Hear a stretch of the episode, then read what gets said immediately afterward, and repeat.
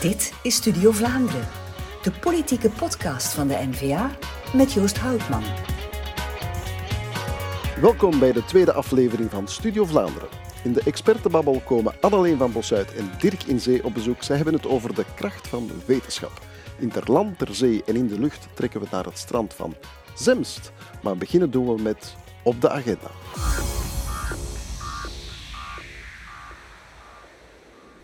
In deze rubriek op de agenda blikken we terug en vooruit naar de politieke agenda. En dat doen we deze keer met federaal parlementslid Theo Franken, alias Franken Theo, zoals we in Antwerpen zeggen.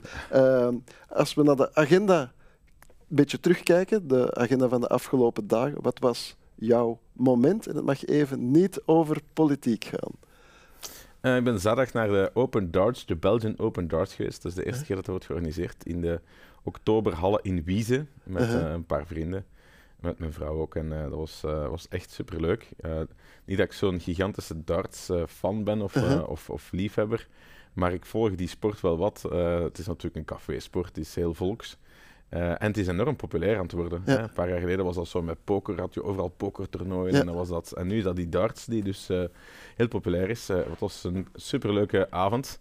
En Dancing Dimi heeft spijtig genoeg verloren, maar Kim Huibrechts heeft gewonnen, dus dat was op zich een leuke, een, avond. Een leuke avond. Heeft ja. een paar keer kunnen opveren bij 180. Ja, 180, ja, ja. Het was, het was echt wel een dikke ambiance. Oké. Okay. Dikke ambiance is het zeker niet in het meest actuele onderwerp dat op de agenda staat, de oorlog in, in Oekraïne. Ik zou het er graag met jou over me, willen hebben, want hier zit, en nu moet ik spreken, de delegatieleider van de Belgische delegatie voor de parlementaire assemblée van de NAVO. Wat is dat voor een beest? Wat, wat doe je daar? Dus de NAVO is uh, militair bondgenootschap, uh, bestaat meer dan 70 jaar, is opgericht na de Tweede Wereldoorlog. Uh, België is een van de ja, founding fathers, mm -hmm. dus van de, een van de eerste oprichters. En dus de NAVO is een militair bondgenootschap, zorgt eigenlijk voor collectieve verdediging van het westen, van Europa en, en Amerika en, en, Canada en een paar andere landen. Um, en die heeft ook een parlement, een parlementaire mm -hmm. Die een stuk democratische controle doet en die ook heel wat debatten over geopolitiek en geoanalyse uh, houdt. En die, uh, dat NAVO-parlement, dat, heeft ook een, uh, dat zijn een aantal parlementsleden van, elk, van elke lidstaat. Um, en um, die hebben dus, uh, ja, België heeft dus een delegatie. Mm -hmm. En ik ben de voorzitter van die Belgische delegatie. Ja. Dat, en hoe dat vaak komt dat parlement samen? Of um, dat komt heel vaak samen. Dus mm -hmm. we hebben uh, jaarlijks uh, twee hoogmissen, eigenlijk een grote lente-top en een herfsttop. Dat is mm -hmm. nu in Madrid. We hebben er het voorjaar eentje gehad in Vilnius. Nu hebben we in Madrid er eentje in uh, november. Maar bijvoorbeeld, uh, ja, er, zijn, er is nu een missie naar Amerika mm -hmm. om een aantal nieuwe technologieën op vlak van wapenindustrie te gaan bekijken. Uh, daar ben ik niet bij, maar mm -hmm. ik ga nu bijvoorbeeld over twee weken ga ik naar, naar Zuid-Korea. een bezoek aan, aan Zuid-Korea met een hele delegatie. er zijn constant eigenlijk activiteiten. Um, heel veel activiteiten ook in de Balkan, omdat dat toch heel onrustig ja. blijft. We hebben ook een uh, NAVO-Oekraïne-raad, daar ben mm. ik ook lid van. NAVO-Mediterraanse Raad, met heel het Mediterraans gebied. Ja. Daar ben ik ook uh, lid van. Dus dat, is, uh, dat gaat zeer intens. Dat ja, is best wel een, een ernstige organisatie die vooral heel veel debatteert over alles wat te maken heeft met defensie en geopolitiek en diplomatie. We gaan even concreet in dat Balkan Oekraïne-Rusland-verhaal uh, duiken. Uh, afgelopen week liet uh, de Russische president een iets wat eigenaardige speech op de, de wereld los. Wat, wat heb jij daarvan onthouden en wat denk je van, hmm, daarmee moeten we zeker rekening houden of dat moet je zus of zo plaatsen? Maar ik denk dat, uh, dat we moeten beginnen bij het begin. Um, mm -hmm. Dus Poetin is, is, is geen zot. Hè. Je hoort dat ja. vaak zeggen, ja, die man is zot, die is, wat een gek is dat. Maar je kan zeggen dat wat hij doet, dat die daden verschrikkelijk zijn, die agressie gruwelijk is en dat dat onvergeeflijk is. En dat is het ook. Maar zot is hij niet. Hè. Dus hij is met een hele duidelijke strategie be bezig. Dus jij ziet daar een zekere logica Ja, absoluut. Hè. Dus hij is twintig jaar aan de macht. Uh, hij heeft ervoor... Of zijn, zijn grote frustratie als DDR-agent, als hij moet vluchten is uit, uh, uit Dresden uh, met zijn familie na de val van, het Sovjet, van de Sovjet-Unie, uh, is zijn visie en zijn uh, rancune was het heropbouwen van het grote Russische Rijk. Mm -hmm. En dat heeft hij heel consequent uitgebouwd. Dus hij is, hij is begonnen met er eerst voor te zorgen dat er geld is. Dat geld is er gekomen in hoofdzaak door petroleum en, en gas uiteraard. En, en ook de afhankelijkheid via stroomman als Gerhard Schreuder, gewezen bondskanselier van Duitsland, maar ook Fillon, François Fillon, gewezen presidentskandidaat in, in, in Frankrijk. dus een aantal stroommannen die belangrijk zijn in de Europese politiek, veel te zeggen hebben, heeft hij eigenlijk Europa volledig gasafhankelijk gemaakt en aan het gasinfuus gelegd. Die miljarden inkomsten waren gegarandeerd en met dat geld heeft hij zijn defensie vernieuwd. Die defensie is nu vernieuwd en hij is sinds een aantal jaren een zeer agressievere politiek aan het voeren als het gaat over ehm, het innemen van bepaalde landen of uh, het, ja, via Wagner-troepen uh, meer en meer Denk voet aan, aan de krijgen. Ja. dus in 2014 de Krim genomen, een stuk van de Donbass. Wagner is nu actief in Mali, in de Centraal-Afrikaanse Republiek, in steeds meer Afrikaanse landen is hij zich aan het zetten in vooral de Sahelregio, die brede rand in Afrika. Um, en daarnaast natuurlijk uh, Georgië binnengevallen, Moldavië, Transnistrië en zo verder. Dus hij is met een heel duidelijke mhm. agenda bezig. En die agenda is het herstellen van het Groot-Russische Rijk, het Russische imperium. En het um, krijgen van opnieuw, het opnieuw afdwingen van respect op het internationale toneel. Ja. Want dat is de grote frustratie van veel Russen. Ze waren een grootmacht en nu zijn ze dat niet meer. Dankzij Poetin zijn ze dat nu terug. Dus je moet denk ik daar we beginnen. Als je dan die speech van deze week zag, dan zag je eigenlijk een president die toch niet helemaal content kan zijn van de verwezenlijkingen. Ik ben ervan heilig van overtuigd dat Poetin dacht op een korte, flitsende manier, blitzkriegachtige wijze Kiev te nemen uh, Zelensky te vermoorden of uit te schakelen en daar een pro-Russische marionet te zetten, mhm. zoals in Wit-Rusland. Maar dat plannetje uh, is Dat is niet gelukt. Dat, was, dat, was eind, dat was de eerste dagen van, van de oorlog en van de invasie in februari. Dat is niet gelukt en nu heeft hij duidelijk zijn kar gekeerd en focust hij zich op het uh, innemen van het grootst mogelijke gebied in Oekraïne, vooral ten oosten van de Dnieper, dat is mhm. de, de rivier die dat land in twee splitst. En vooral ervoor zorgen dat de toegang tot de ijsvrije zee, die de Zwarte Zee is, dat die gegarandeerd blijft. De grootste frustratie in de, in de, in de Russische doctrine, militaire en, en, en diplomatieke doctrine van Rusland is... Rusland is het grootste land van de wereld, groter dan China, groter dan de Verenigde Staten, groter dan Canada. Maar Rusland is, heeft geen toegang tot een ijsvrije zee. Ja. En dus dat concept van die ijsvrije zee is de ultieme frustratie van de Russen en van, de, van het Kremlin. En dus de Zwarte Zee is een ijsvrije zee. Uh, dat is ook waarom het in Syrië is tussengekomen tegen Daesh. Dat is niet omwille dat het tegen Daesh was. Dat was gewoon puur voor het verdedigen van de haven van Lakatia. Wat mm. zijn militaire haven is op het Middellandse Zeegebied. Daarom zit hij in Kaliningrad. Dat is zijn militaire haven op de Baltische Zee. Dus het gaat heel vaak over militaire macht, over het uh, kunnen uitoefenen van de militaire macht. En daar heb je militaire basissen voor nodig. En die Zwarte Zeevloot is een absoluut vlaggenschip van de, van de Russische marine. En Sebastopol is daar de, de haven natuurlijk, de militaire haven. En dus dat moet kost wat kost gegarandeerd blijven. En hij is in 2014 binnengevallen, heeft hem Krim, de Krim teruggenomen, dus die, dat is daar verzekerd. Maar hij was onzeker en dus hij heeft nu grotere stukken ingenomen. Uh, daarnaast is het natuurlijk zo dat de Russen ook echt uitgaan van de doctrine van de bufferpolitiek en zien zij Oekraïne als een bufferstaat tegen het Westen. Maar hoe verklaar je dan die, uh, die mobilisatie? Die, is dat niet een beetje een wanhoopspoging nu? Je hebt dan ook nog de referenda die... Allee, ja, zijn dus- zo in, in, je, eerste, je eerste uitleg is, zijn de logica die hij volgt, maar hier merk je toch elementjes van zijn plan mislukt. Is dit een kat, die, een kat in het nauw maakt rare sprongen? Zijn dit niet heel rare sprongen? Wat heel raar niet. Hè. Dus de optie van een, een gedeeltelijke of een volledige mobilisatie is altijd, heeft altijd op tafel gelegen. Hij heeft ook nog altijd niet officieel de oorlog verklaard in Oekraïne. Dat heeft hij ook nog niet gedaan. Dus uh, hij spreekt van een speciale militaire operatie. Uh, dus dat kan ook nog komen, een, een, volledige oorlogsverklaring. Dus er zijn nog wel wat escalatiemogelijkheden. Ja. Uh, dus dit is een volgende stap, omdat hij natuurlijk heel zware verliezen mhm. heeft geleden. Hè. Dus hij merkt zeer duidelijk dat de verliezen immens zijn, veel meer dan hij ooit gedacht ja. had. En dat, het veel, dat de terreinwinst veel stroever gaat. Maar ook daar maak u niks wijs. Rusland heeft 120.000 vierkante kilometer in zijn macht. België is 30.000 vierkante kilometer, dus mhm. vier keer België heeft hij ingenomen. En de, en de Oekraïners hebben nu 6.000 vierkante kilometer herwonnen.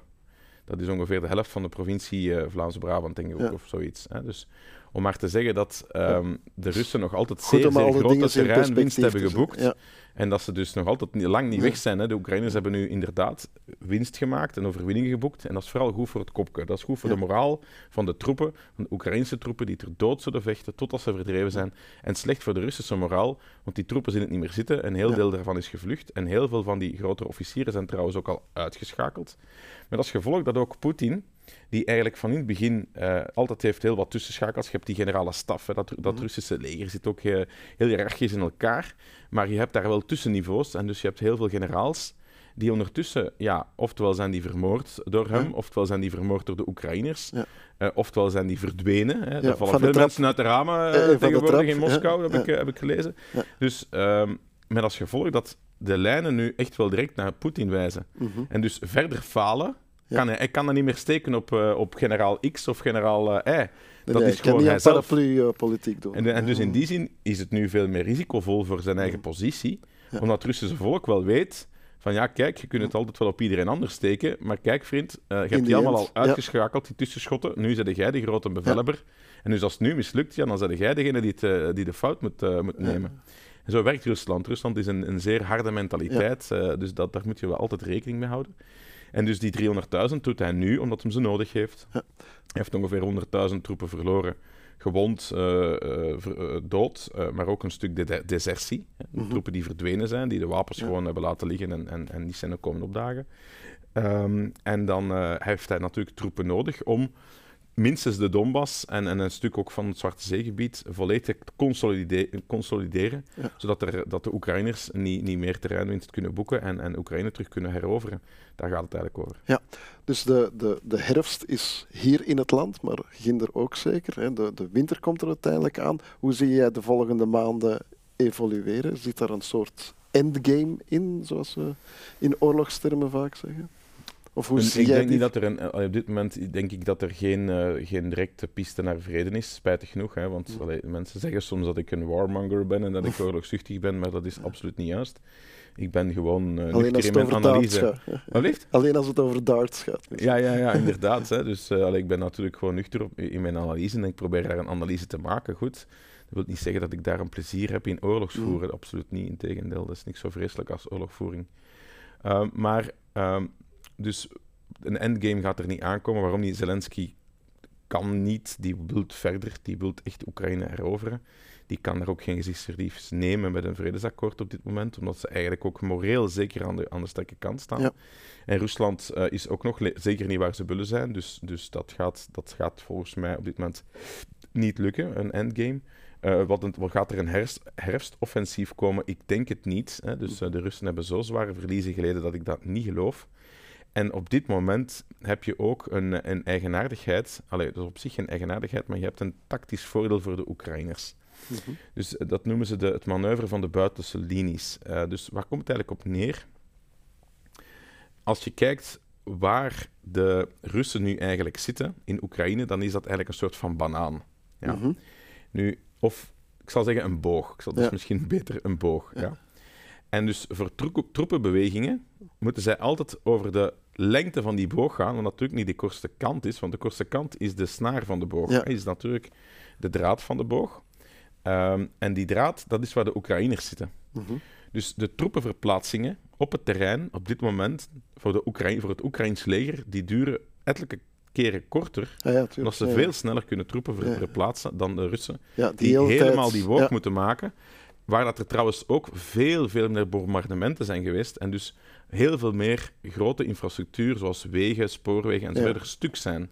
Dus Veel meer kilometers de- en moeilijker kilometers. Zeer juist. Ja. En dus dan noemen ze de, dus het, nadeel, Hm. het nadeel van het manoeuvre van de buitenlands, buitenlandse linies. En Ja. dus dat is een zeer groot terreinnadeel, wat zeker dat geldt in de zomer, als alles droog is, maar dat geldt nog veel meer in de winter, waarbij alles zompig, nat, besneeuwd en koud eh, is. En dus ehm, op dit moment denk ik dat de Oekraïners er zeker niet slecht voor staan. Als we nu het, het, grote geopolitieke kader eh, proberen maken, eh, Europa zit voor een groot stuk op de hand van, van Oekraïne, kan je, kan je stellen, Eh, de Verenigde Staten ook, maar je hebt wereldwijd gezien wel wat neutrale landen. Maakt dat niet het conflict heel ingewikkeld? Dus, Rusland heeft niet zoveel bondgenoten in dit verhaal. Hè? Ja, de Russen, ja, je zit natuurlijk met de Chinezen, je zit met India, uh, ook een aantal Afrikaanse landen. Dus ook heel veel landen dat zich gewoon afzijdig houden. Dus ja, het is zeker niet zo dat het Westen hier uh, 80% van de landen in de wereld aan zijn zijde heeft. Dat is spijtig genoeg niet zo. Uh, maar dat is wel iets, wel iets om, om, om echt wel uh, aandacht aan te besteden, denk ik, diplomatiek. Het was nu een heel belangrijke week in de Verenigde Naties, hè, de diplomatieke week. Hè, dus daar is natuurlijk heel de tijd ook over Oekraïne gegaan. Dus daar zullen zeker heel wat banden gesmeed zijn om toch proberen onze alliantie te vergroten. vergroten. Nu, het grote geopolitieke verhaal, in mijn ogen, en dat, dat is misschien cynisch, mhm. maar dat is zeker niet cynisch bedoeld, maar ik ga het u, u zeggen. Uiteindelijk, als je de, het echte grote wereldmachtenverhaal bekijkt, dan vechten wij nu een proxyoorlog uit. Die wordt gevoerd door het Oekraïnse leger tegen Rusland. Um, een grote vijand, een autocratische staat, een kleptocratisch regime uh, van oligarchen en, en, en ja, bon, alles wat we hebben meegehaakt met Rusland, dat zegt wel genoeg, denk ik. Um, dus wij leveren wapens, we leveren inlichtingen, wij leveren uh, alles wat ze nodig hebben. Uh, en zij voeren de oorlog. We hebben nul lijkenzakken moeten tellen tot nu mhm. toe. Het Westen heeft nauwelijks, nauwelijks verliezen geleden, zelfs eigenlijk bijna niemand. Maar Rusland gaat hierdoor, en door de sancties, en door de oorlog en zo verder, wel zeer, zeer sterk verzwakt zijn. Mhm. De komende tientallen jaren waarschijnlijk. Ja. En dat geeft natuurlijk geopolitiek ruimte um, om ons meer te focussen op de echt uitdaging van de toekomst, en dat is China. Ja. Dus vanuit de Westerse Alliantie zijn hier ook wel wat opportuniteiten. Hoe gruwelijk oorlog ook is. En, en, dit klinkt natuurlijk echt puur vanuit machtspolitiek zeer ja, het klinkt wel berekend, maar... En, en zeer berekend en, en afstandelijk. Um, en dat is niet, niet mijn bedoeling, maar als je me echt vraagt naar wat is nu eigenlijk het grote geopolitieke verhaal, ja. ja dan is dat eigenlijk vanuit het Westerse bondgenootschap wel het grote geopolitieke verhaal. Ik bedoel, als wij, wij zitten met Rusland en met China. Um, China is opkomend, Rusland is een stuk tanend. Maar goed, met Poetin is het wel terug een stuk versterkt. Ja, Poetin is hier nu in mijn zin voor een dwazigheid, want Oekraïne ging geen NAVO-bondgenoot worden. Dat ging niet gebeuren. Daar lagen geen concrete plannen op tafel. Niet nu, niet over tien jaar. Is hij nu heel fors gegaan. Hij heeft zich misrekend op de sterkte mhm. van het Oekraïns leger en de wil en de weerbarstigheid ook van het Westen, want hij dacht ons te kunnen verdelen. Dat is tot nu toe niet gelukt. En ik hoop na de Italiaanse verkiezingsuitslag mhm. dat dat ook niet zal lukken. Ehm, en, en dat heeft hij zich serieus in misrekend. En dat geeft ons een kans om Rusland te verzwakken en ons te kunnen bezighouden en te focussen op China. En als we dat geopolitieke kader eventjes heel uh, terug naar, naar ons land brengen, uh, zijn er dingen die we moeten doen op vlak van, van defensie? Dat je zegt, ja, we moeten ons wat herdenken. Uh, moet dat ook gebeuren op het vlak van, van defensie? Ja, dus absoluut. Hè. Dus, dus allez, je hebt politieke fouten. Iedereen maakt politieke fouten. Uh, Joost, ik heb dat ook gemaakt. Als je nou het voor het mandaat hebt, uh, je kan uh, iemand vertrouwen die je niet mocht vertrouwen. Ik heb dat meegemaakt. Je kan, je kan eens een keer een mail verkeerd beantwoorden of misschien niet op de juiste toon. Of eens een dossier te laat hebben gelezen of misschien er eens even naast hebben gezeten. Dat kan allemaal gebeuren. Of eens een snelle tweet sturen waar je ja. dacht van ja, dat had ik misschien beter niet gedaan. Dat, dat zijn politieke fouten en die zijn ook wel... Allee, de Vlaming is, een heel, is, is heel vergeeflijk. Mensen, de Vlaming is vergevingsgezind. Dus dat, dat krijg je wel vergeven als je dat op een correcte manier, uh, oftewel je excuseert, of dat op een correcte manier duidt en, en, en er ook duiding aan geeft en dat op die manier aanpakt. Maar je hebt strategische blunders mhm. en die zijn onvergeeflijk. Het verkopen van Tractebel en Electrabel aan, aan Frankrijk eh, begin 2000, dat is een strategische blunder, dat is geen, dat is geen politieke fout meer. Uh, het, uh, het, uh, ja, de kernuitstap is, is, echt een absolute strategische blunder in deze tijd van oorlog en onzekerheid. Um, het, het, niet investeren gedurende 40 jaar in je defensieapparaat of veel te weinig, uh, ja, dat is ook een strategische blunder van je welste. Het openhouden van je asielgrens en het dus, het, ja, die illegale migratiestromen zomaar blijven opsoppen elke dag. Dat is een strategische blunder. Er is geen enkel continent, geen enkel land in de wereld dat zo slecht met zijn grenzenbeheer omgaat dan als Europa. Uh, terwijl we het rijkste continent zijn. Dus dat zal wel zijn dat iedereen naar hier wil komen, maar daarom moet je nog niet iedereen toelaten om hier zomaar uh, voet aan wal te zetten. Dus dat, zijn, dat, zijn, dat is een ander niveau en daar heeft Europa gefaald, heeft, heeft België ook gefaald. En heeft ook, eh, hebben we, denk ik, ja, dat is een, een collectieve verantwoordelijkheid, maar vooral toch van degenen die die beslissingen hebben genomen. Uh, ik voel me daar niet voor aangesproken, ik waarschuw er al jaren voor. En ik ben niet alleen, uiteraard, Bart Wever en anderen ook, maar dat zien we nu. Ehm, hè, dus Nord Stream 1, Nord Stream 2, het, het, het volledig aan die Europese gas, aan de Russische gas gaan van Duitsland. Ja, dat zijn ook strategische Ja. blunders van je welste. Dus die zijn deze- onvergeeflijk. Ja, dat maakt deze oorlog in, in Oekraïne maakt die strategische blunders wel, wel heel duidelijk natuurlijk. Hè? Ja, dus je, komt, je, je wordt nu echt op een zeer confronterende manier met je neus op de feiten geduwd. Ja. Ik ga heel veel spreken. Ik was gisteravond nog een, een lezing gaan geven in Begijn en Dijk, bij ons in de regio, eh, tussen Aarschot en, en Heist op den Berg. Eh, een volle zaal van mensen die zich afvragen hoe is het zo ver kunnen komen. Mhm. Eh, waarom zijn jullie allemaal zo blind geweest en, en, en, en wat gaat er nu gebeuren? Dus die bezorgdheid bij de bevolking is, is zeer groot. Eh, die bezorgdheid dat is iets waar je, de bezorgdheid van de bevolking is iets waar je als politicus dag in dag uit mee bezig bent. Eh, waar ga je de volgende dagen zoal mee bezighouden? Wat is jouw politieke eh, agenda? Van de... Ik ben, ik ben natuurlijk burgemeester en eh, ik ben eh, daar ook heel veel mee bezig. Ik probeer dat goed te doen, een goede eh, burgervader te zijn voor Mhm. iedereen. Eh, dat is niet altijd gemakkelijk, maar goed, eh, dat- ik probeer mijn best te doen. Dus we hebben college, morgen gemeenteraad, heel veel vergaderingen. Ik heb ook elke vrijdag spreekuur. Dus, Ja. En dan hebben we morgen de opening eigenlijk van het Defensiejaar met een causerie van Serviratus Aureus. Dat is een bekende, de enige eigenlijk militaire serviceclub waar dat minister De Donder, de minister van Defensie, haar starplan, dus haar plan voor investeringen 2030, om dat uit de doeken te doen. Ze komt dat daar doen voor een, een volledig eh, volle zaal. Het is helemaal uitverkocht. Eh, van ja, vooral alles, heel de etat-major van alles wat te maken Ja, heeft met en defensie, moet je als delegatieleider van. Ik, eh, ik zal daar natuurlijk met veel plezier aanwezig zijn en daar mag ik niet ontbreken. En over plezier gesproken, staat er nog iets heel leuks op de agenda deze week? Ja, zeker. Los van het politieke. ja, ja, ja, ja, ik ga dit weekend naar Compostela. Mhm. Dus vrijdag tot, tot en met maandag, vier dagen mee stappen. Een vriend van ons is, eh, is onderweg en een paar vrienden gaan hem vier dagen vergezellen.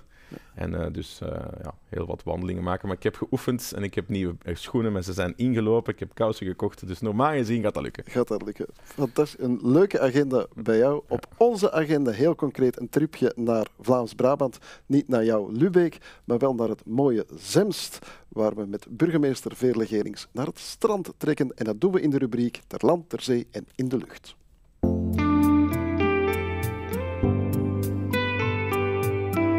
Zemst kennen de meeste mensen vanuit de dagelijkse verkeersberichten, want van hier start bij wijze van spreken de file richting Brussel. Maar dat is niet de beste manier om Zemst te kennen. Het is een toplocatie tussen Antwerpen en Brussel, maar eh, heel bijzonder aan ons is dat wij hier een strand hebben. Vroeger was dat de plage, een beetje verfranst, maar eh, niet eh, de manier zoals wij het nu zien.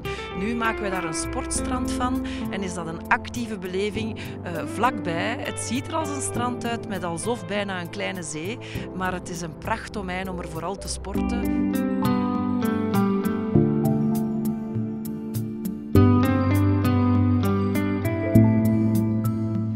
Bevinden ons nu aan de Weerde Put. Dat is een gegraven put in functie van de E19, die grote verbinding die Antwerpen en Brussel wel verbindt. Dus het is wel heel gekoppeld aan onze locatie. En door de jaren is dat natuurlijk een natuurgebied geworden. Door dat te koesteren zitten hier heel veel vogels en is er een prachtig plekje dicht bij de huizen om eh, korte wandelingen te maken.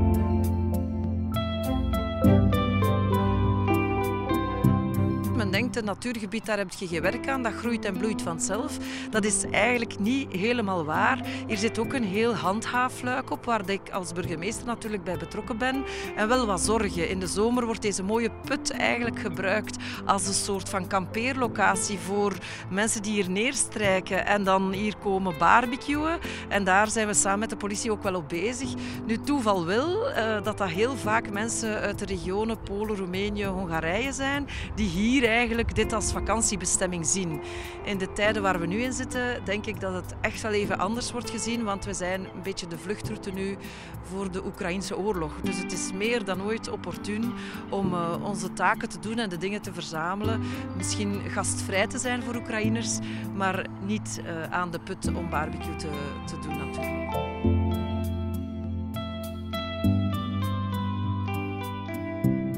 Bij het begin van mijn uh, mandaat, zelfs drie maanden ervoor, werd mij door de noodplancoördinator een hesje overhandigd. Dat was eigenlijk pro forma, zei want we, het diende voor de noodplanning. Nu in 2019 al bij de start, ik denk in de eerste maand, heb ik dit hesje al mogen bovenhalen voor een boot die tegen een brug was gereden en een gigantisch probleem heeft gegenereerd voor de mobiliteit. Een beetje daarna hadden we enkele treinrampen, jammer genoeg, in het kleine Zemst, maar toch wel uh, vrij belangrijke evacuaties. Er gebeuren ook wel minder leuke dingen. We hebben schietpartijen gehad, dus in 2019 heeft het hesje al heel erg gediend, zeg maar. En een beetje daarna kwam die unieke crisis op ons af en werd het eigenlijk corona. Um, nu, ondertussen dat corona, we mogen dat uitwuiven en krijgen we als burgemeesters eigenlijk een beetje een vluchtelingencrisis, zelfs tot op het niveau van de gemeente op ons bord. Dus het mag toch wel gezegd worden dat we aan takenpakket een grondige wijziging hebben gekend, maar dat het hesje wel zeker heeft kunnen dienen al.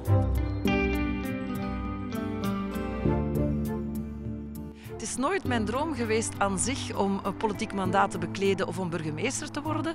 Maar ik moet wel zeggen, nu ik het doe en nu ik het ben, het voelt enorm intuïtief sterk aan. Het is alsof ik er een beetje voor bestemd was, omdat het juist binden van crisissen, ik heb al heel wat meegemaakt in mijn leven, dat dat wel in mijn uh, natuur, zouden ze kunnen zeggen, ligt. En dat voelt heel oké aan. Dus uh, het was dan geen droom, maar de uitvoering moet toch wel zeggen dat die zeer goed voelt.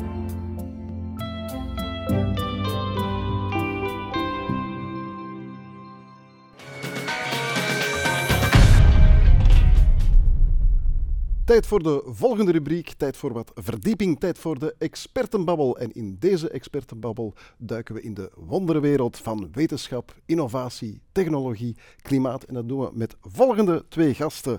Anneleen van Bossuit, deze geboren en getogen Gentse, is sinds 2019 federaal uh, parlementslid, inderdaad.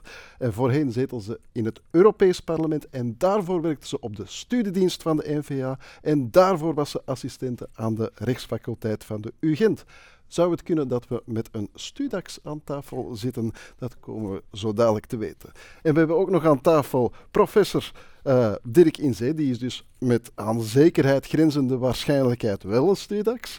Um, u bent hoogleraar moleculaire plantenbiologie en fysiologie aan de UGent. We zitten dus met een Gens onder onsje. Welkom beiden. Uh, mevrouw van Bossuit, ik suggereerde dat u een Studax bent voelt u zich aangesproken? Oh, ja nee. Um, ja, omwille van mijn basisopleiding. Uh, ik denk dat dat trouwens voor iedereen uh, goed is om uh, telkens vanuit de wetenschap, vanuit de basis, vanuit de originele bronnen ja. te vertrekken. Maar ik heb daar een politiek sausje over, over gegoten, gaandeweg. Maar, maar, u bent juriste van, van opleiding. Klopt. En u bent nu heel hard met, met wetenschap ook bezig. Waar is die liefde voor wetenschap ontstaan? Wel, um, heel concreet eigenlijk, uh, in, zoals u aankondigde, de vorige legislatuur zat ik in het Europees Parlement mm -hmm. en daar zat ik onder andere in de commissie Onderzoek, uh, Industrie en um, Innovatie. Ja. En vandaar, ik ben daar heel vaak uh, met die thema's maar rond onderzoek, innovatie bezig geweest. Er bestaat een Europees onderzoeksprogramma, Horizon Europe heet dat, mm -hmm. um, waar ik het heel interessant vond om te zien naar welke projecten, welke zaken er via onderzoek, via innovatie tot stand komen. Ik ben ook, uh, zoals u zei, geboren en getogen in, in Gent. Gent is toch wel de uh, technologie-hub. Zeker als het op uh, biotechnologie hm. aankomt, daar zijn ja. we echt wereldtop. Ik krijg dan ook de kans om van heel nabij veel van die projecten te zien. En dat fascineert mij en dat stemt mij ook optimistisch over, over de toekomst. En ja. ik denk dat dat is wat dat belangrijk is. Ja, en zonder staatsgeheimen prijs te geven, maar had u goede punten op wetenschap op de school? Eerlijk, ik heb Latijn wetenschappen uiteindelijk uh -huh. gedaan, ja. maar fysica was nooit mijn ding. Chemie deed ik wel heel graag. Dus, uh, uh, ik heb Latijn bon. wiskunde gedaan om net geen Latijn wetenschappen te moeten doen. Professor Inzee, bent u als wetenschapper geboren? Wel, dat zei mijn moeder uh, altijd. um, en uh, als uh, jong kind um, verzamelde de hele gebuurte slakken en schedeltjes en planten en al wat ze maar konden vinden. En die brachten mm. allemaal bij mij. Ik had een hele verzameling en Ik heb me altijd in, wetenschap geïnteresseerd, uh, altijd zeer veel over gelezen. Jongens en wetenschap, dat was een, van, fameuze boekenserie uh-huh. die men kon uh, uren in de bibliotheek. Ik heb die allemaal van onder van achter tot voor uitgelezen. Dan college. Dat was zo'n jongen in wetenschap. ja, inderdaad. En dan, dan ben ik moderne in de humaniora, dus geen Latijn om de eenvoudige reden. Ik, ik, herinner me nog heel goed dat ik moest op een zeker moment een, een test doen of dat geschikt was voor Latijn. En dat was in een, in een centrum, een, eh, een, een, eh, soort van examencentrum. Dat was omgeven door aan de durmen, dus, en er zaten allemaal vogels enzovoort. En in plaats van de examen te doen, heb ik me meer geïnteresseerd voor de vogels. Vandaar was ik gebuist op dat, uh, dat, die proef voor Latijn. Dus ik ben moderne gaan studeren en dan daarna de Universiteit Gent. Ik heb dan biologie beginnen te doen, hoewel dat mij scheikunde, fysica, mhm. wiskunde en zo ook enorm interesseerde. En, ehm, en zo ben ik dan, ja, dan geleidelijk aan uh, bij uh, professor Schellenmark van Montegu, de grondleggers van de GGO-technologie, mm -hmm. terechtgekomen. Ik heb daar ook een doctoraat gedaan, ben daar postdoc geweest. Dan heb ik een aantal jaren voor Frankrijk gewerkt, eigenlijk voor het, het Nationaal Instituut voor Landbouwkundig Onderzoek. Ik ben daar ook wetenschappelijk directeur geworden. En dan uh, ben ik teruggekomen en hebben ze mij een positie aangeboden als Max Planck-directeur in uh, Duitsland. En ik had dat aanvaard en dat was dan van een hm. zeer prestigieuze positie. Uh, maar op het laatste moment heb ik een tegenoffer gekregen van destijds van het Vlaams Instituut hm. voor Biotechnologie. Ja. Dat was dat juist ik opgericht en ik heb, ben er ook wetenschappelijk directeur geworden van een centrum daar, een groot centrum en dat bent u vandaag nog altijd? Ja, inderdaad. Ik ben daar nu 23 jaar of zo uh, wetenschappelijk directeur. Dat centrum is ondertussen uitgegroeid uh, tot uh, meer dan 300 mensen. zeer internationaal en denk ik ook met een enorme faam wereldwijd. Ja. ja. dus u bent terecht de expert hier aan tafel.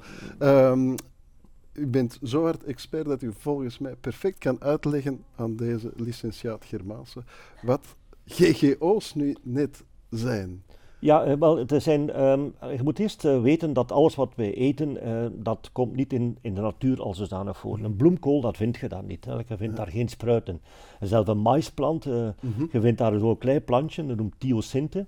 Hey, dat is de voorouder van mais en daar zitten een paar zaadjes op. Zo. Dus als je van de natuur moet leven, dan zou het zo allemaal verhongeren, zonder enige twijfel. Dus uh, al wat we eten is het uh, resultaat van uh, veredeling, dus mm. van, waarbij dat mensen eerst ehm, ja, za zaken uitzaaien en ze, ze, zochten naar de betere variëteiten die meer opbrachten. Die en dan met gezond boerenverstand? ja, en, dan, en die, die zaden die, die gebruikte men verder om terug te gaan kijken naar wat er betere eigenschappen waren enzovoort.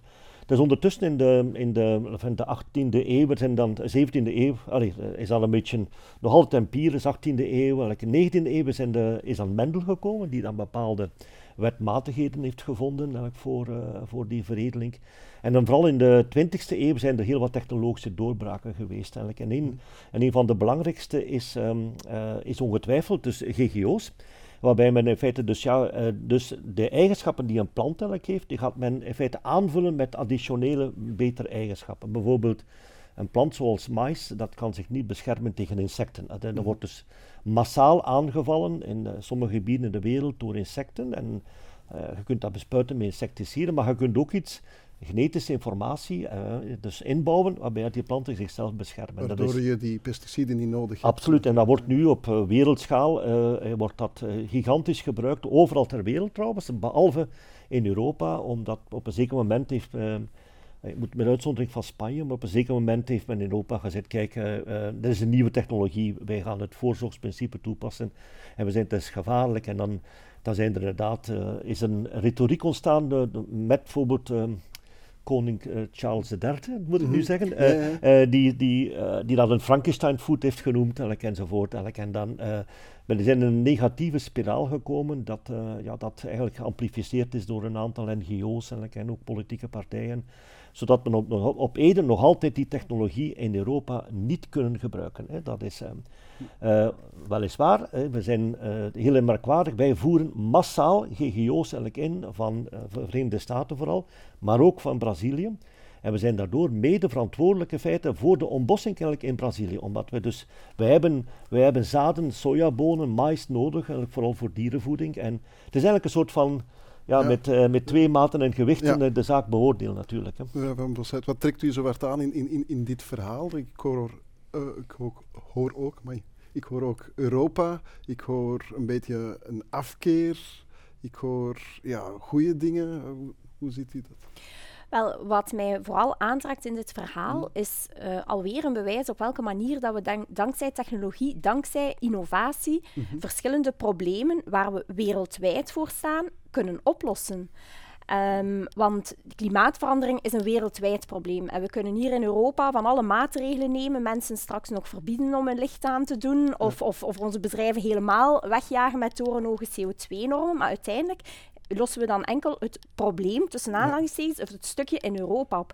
Terwijl als we hier technieken eh, ontwikkelen die wereldwijd kunnen toegepast worden, dan kunnen we wereldwijd dat probleem aanpakken. En dat is juist waar onder andere die biotechnologie, die GGO's of CRISPR, hè, de, de nieuwste vorm, daar zal de professor het zeker nog over hebben, mee kunnen oplossen. En dan pakken we eigenlijk twee problemen in één klap aan. Ten eerste het het probleem rond de klimaatverandering. Omdat we dankzij GGO's, dankzij CRISPR, kunnen we op een beperktere oppervlakte zelfs meer voedsel eh, produceren, waardoor dat er meer ruimte vrijkomt voor biodiversiteit bijvoorbeeld. Heel belangrijk. Maar ten tweede ook het probleem waar we vandaag de dag ook mee geconfronteerd worden, en dat zijn de stijgende voedselprijzen. Want door het feit, eh dat ik ga nu bijvoorbeeld heel concreet volledige tarweoogsten eh, kapot door eh, bepaalde ziektes. Ja. Terwijl dankzij CRISPR kan er een bepaald gen gewijzigd worden in tarwe, waardoor ehm, zij bestand zijn tegen die ziektes, waardoor dat we oogsten kunnen eh, beschermen. Ja. En waardoor dat we dus vermijden dat de voedselprijzen stijgen door... ehm, Dubbele winst eigenlijk, Voilà, dubbele winst. Dus zowel voor de portemonnee als voor het klimaat. Ja, die CRISPR, daar moet u eventjes op, eh, op ingaan. Ja, dat is een, eh, dus we hebben het over GGO's gehad. En eh, dat is eigenlijk het, de klassieke GGO's waarbij dat je vreemd DNA, een soort vreemd DNA, bijvoorbeeld van een bacterie, maar dus we kennen dat allemaal zeer goed, binnenbrengt eigenlijk in een plant. Maar er is eh, sinds tien jaar een nieuwe technologie, dat noemt dus CRISPR, waarbij men in feite de versneld, eh, heel precies, efficiënt de genetische eigenschappen van een plant kan gaan wijzigen. Je moet weten dat klassieke veredeling, dat is in feite een, een, een, een random proces. Je moet dus eh, lang gaan zoeken, je moet gigantisch veel combinaties maken. En als je per toeval, per toeval vindt je een combinatie die het dan beter doet. Maar met CRISPR kun je rechtstreeks die veranderingen doen eh, zonder vreemd DNA binnen te brengen. Het gebruik maken van het eh, erfelijke informatie van die plant om die verandering aan te brengen die eh, gewenste eigenschappen, bijvoorbeeld zoals je noemt, eh ziekteresistentie. Kan ik het dan zo'n beetje vergelijken met, eh, je bent in Word een document eh, Ja. aan, aan het opstellen en je hebt honderd keer eh, eh, Ronnie X getypt en het moet eigenlijk Danny X zijn, dat je dan zoeken en vervangen. Absoluut, is, absoluut. Terwijl je het vroeger overal moest doen. Absoluut. Een andere vergelijking is dat je bijvoorbeeld in Brussel, als je naar de Koningsstraat, zoals we nu Ja. zijn, eh, wilt, eh, wilt komen, kunt je een landkaart gebruiken en je kunt daar gaan zoeken met een auto en je gaat waarschijnlijk Mhm. tien keer verkeerd rijden of je kunt je GPS gebruiken. Dat is een beetje de vergelijking. En, eh, Ja. dus en waarom het niet doen als het bestaat? Wel, het is een zeer goede vraag. Eigenlijk overal ter wereld wordt dat nu geïmplementeerd. Eh, dat, is, dat is ook wetgeving en vrijwel alle landen in de wereld die tenminste eh, die met die technologie bezig zijn, in Noord- en Zuid-Amerika, dus Australië, Japan, ook klassiek tegen de GGO's, eigenlijk, maar voor de CRISPR zelf al met commerciële variëteiten, China, noem maar op. eigenlijk, in feite. Maar Europa, daar heeft het eh, European Court of Justice, de, eh, dus eigenlijk het hoogste gerechtshof, heeft geoordeeld op basis van een verouderde wetgeving dat deze CRISPR-technologie ook GGO's zal zijn. Dus eigenlijk, en waardoor dat we een soort van eh, ja, padstelling zijn gekomen, hè, want je kunt niet in beroep gaan, u weet dat waarschijnlijk eh, beter mevrouw, welke, niet in beroep gaan tegen het, eh, het, court- het European Court of Justice. De enige manier om dat te veranderen is door in feite dat door het Europees Parlement te laten passeren, waardoor dat je natuurlijk het hele politieke debat ehm, mee in, de, in de, de discussie krijgt. En dat is nu wat er aan de hand is. Dus de Europese Unie heeft nu een proces gestart sinds eh tussen haakjes, eh, 2019 al. Het is al een hele tijd aan de gang. Ja, ja. Eh, dat, om dat nu in de, te herzien in het Europees Parlement. En dat gaat ergens volgend jaar hopelijk eh, positiefelijk aflopen. Maar het blijft politiek. Hè. Ja, politieke lijk, dan zitten we bij jou. Hoe verklaar jij die, die afkeer in Europa, toch bij sommigen? Wel, verklaren, je kan Hm. dat niet wetenschappelijk verklaren, want er is gewoon geen wetenschappelijke verklaring voor. Dus het is puur op basis van een idee eh, dat, er, dat, er ontstaan, eh, dat er ontstaat, eh, zoals de professor het eerder al zei, bij bepaalde GGO's, maar evengoed bij bepaalde politieke partijen, om de Groene Partij niet bij naam te noemen.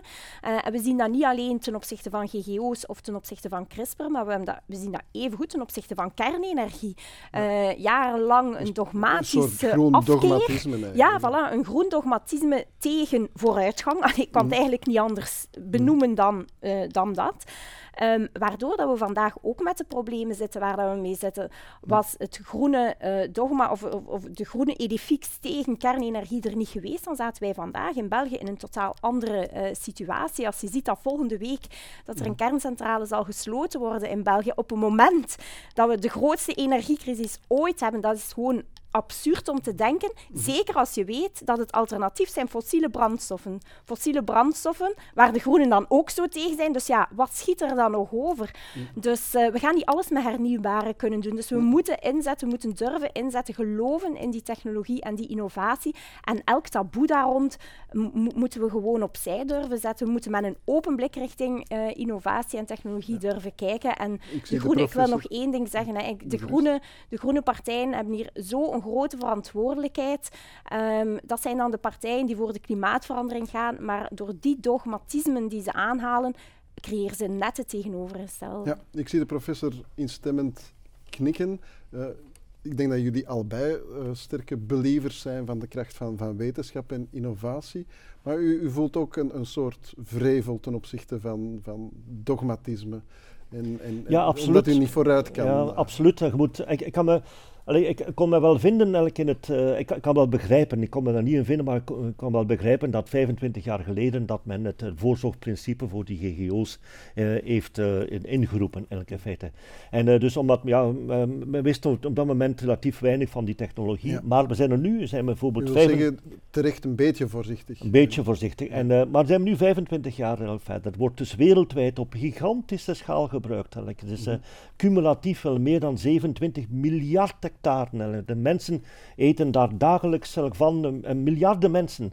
En nog nooit is er enig negatief effect gezien op de mens, op dieren, op het milieu. En, en dan nog altijd blijven roepen dat dit gevaarlijk is, dat we dat moeten verbieden. Wel, dat is, eigenlijk, dat is dogma. Hè. Dat, is, eh, dat is een dogma, houdt daaraan vast. En we willen niet naar de wetenschappelijk luisteren. En dat gaat dan over de klassieke GGO's, maar voor de CRISPR-technologie wordt er zelf geen vreemd DNA geïntroduceerd. Daar gaat men gewoon die plant, eh, dus zoals ze is, gaan gebruiken, maar men gaat dus versneld, heel precies, gaat men veranderingen doorvoeren. Er is ook ondertussen zeer veel kennis, wat dat belangrijk is bij planten, om de gewenste Ja, eigenschappen in te waarom voeren. niet de eenvoudige, relatief eenvoudige techniek gebruiken als die, als Absoluut, en dat is, eigenlijk, dat is zoals het gezegd eh, door, door, door mevrouw ook. eigenlijk. Dus we kunnen daarmee ziekteresistente planten maken, dus geen pesticiden. We kunnen ze efficiënter maken, we kunnen diepere wortelsystemen maken, zodat ze beter stikstof opnemen, dan we dat stikstofprobleem minder hebben. We kunnen dat zijn toch ook allemaal vraagstukken waar groene Maar partijen mee bezig zijn. dus- Absoluut. En, en, en, dat is zo frustrerend. Ze zouden dat ook moeten aan- boord nemen, omdat dat, dat, dat mede de weg vooruitelijk is om in feite ja, een, een doelstelling, een betere wereld met meer biodiversiteit, met, eh, met eh, een klimaat eh, eh, serieus- ons serieus nemen en gaan in een beleid te zetten. Ik moet zeggen dat veel jonge mensen gaan in, in deze, Mhm. beginnen het ook te zien dat, dat dit de weg vooruitelijk is. Dus dat maakt me wel dus, eh, eh, geruststellen dat er misschien wel een keer een kentering zal kunnen komen. Hè. Ehm, u was ook actief in het bedrijfsleven. U hebt het bedrijf Crop Design opgericht eh, midden, nee, eind, eind vorige eeuw, als ik me niet vergis. Dus u hebt ervaring in het bedrijfsleven en in de academische wereld. Vanuit die blik, wat denkt u dat beleid en politiek nog wat meer kan doen om, om, om die dynamiek tussen Ja. die drie pijlers tot Wel, ik, zou zeggen, Vlaanderen doet op dat vlak eh, bijzonder, eh, bijzonder goed. Eigenlijk. En we hebben dus in, eh, in eh, eh, 25 jaar geleden, iets meer zelf, eigenlijk, het eh, Vlaams Instituut voor Biotechnologie opgericht. Eigenlijk. Dus eigenlijk het VIB. Waar het precies eigenlijk in feite, waarbij dat de enorme kennis die er was eigenlijk in wetenschappelijk onderzoek, ehm, dus eh, echt basiswetenschappelijk onderzoek, in feite, waarbij men daar een soort van vehikel daarboven heeft gezet om dat te gaan vertalen in ja, dus, bedrijven, in commerciële activiteiten enzovoort. Nu in, in, in, de, in Gent is daardoor een van de, de clusters geworden in, voor biotechnologie mhm. in de wereld. Ja, we hebben dus de, tal, tal, van, tal van bedrijven die zijn daarop gericht en er zijn er echt duizenden mensen die daar werken.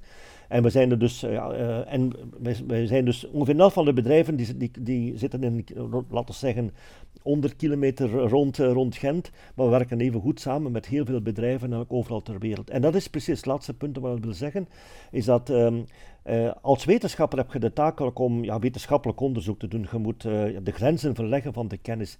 Maar het is ook toch heel belangrijk om die kennis te gaan vertalen naar de maatschappij, om iets terug te brengen aan de maatschappij. Bijvoorbeeld beter verbeterde gewassen, uh, aan het klimaat te gaan werken enzovoort. En dat is precies wat dat, het VIB en Vlaanderen dus zo goed is, waar we zeer vierlijk op zijn. En waarbij men, denk ik, ja, toch wel um, duidelijk aantoont dat we waarde kunnen mm. creëren voor voor de mensheid als, eh, als geheel. Dus, wat, wat, kan de politiek daar nog meer aan, aan, aan helpen eigenlijk, om die dynamiek gaande te houden? Wel, eerst en vooral blijven investeren in innovatie. Ik denk dat uh, we, hebben in Vlaanderen uh, de enige grondstof die we hebben. We hebben geen olie, we hebben geen gas, uh, we hebben geen andere edele nee. metalen. dus onze grijze hersencellen ja. is, de, is, de, enige grondstof die we hebben. Dus daar moeten we blijven in investeren.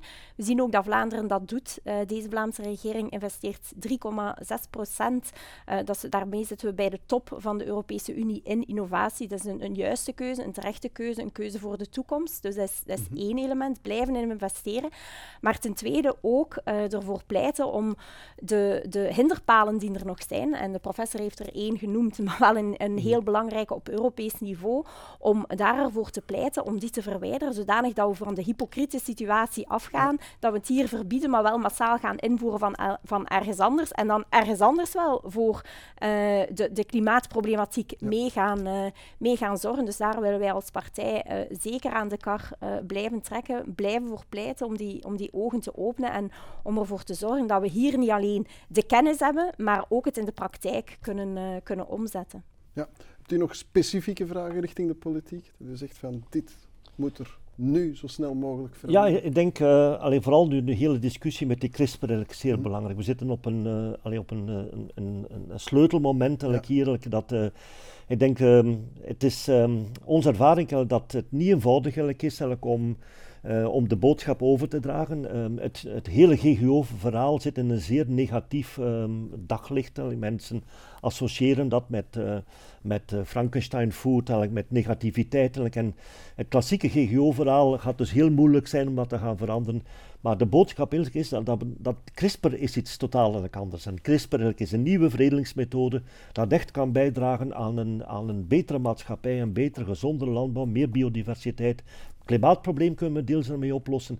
En daar is uh, de politiek kan er enorm mee helpen om die boodschap uh, uit te dragen en daar steun voor te zoeken. En uh, zodat we openlijk toch ook een, een, een goede nieuwe wetgeving kunnen hebben om dergelijke technologie in Europa toe te laten. Ja, ik denk dat u daarin een goede partner hebt gevonden in mevrouw Van Bossaat. Absoluut, daar blijven we als partij voor gaan. We hebben, wij gaan trouwens voor een evidence-based uh, politiek. Hè. Uh, niet alleen op, uh, op dit vlak, maar ook op gezondheidsvlak, op, op allerlei gebieden. Ik denk dat dat de meest solide basis geeft om aan politiek te doen trouwens. Oké, het voordeel van een expert is dat je met een expertenbabbel echt in de diepte kan gaan. Dankzij onze expert professor in zee zijn we nu zelfs vrije wijs uh, geworden om uh, mevrouw uh, Van Bossuit te parafraseren. Het nadeel is dat je nooit uitgepraat raakt en onze tijd erop zit. Maar gelukkig publiceert de professor geregeld en kunnen we u volgen op de social media. En ik sluit graag af met wijze woorden. Scientia sol mentis est. Kennis is het licht van de geest.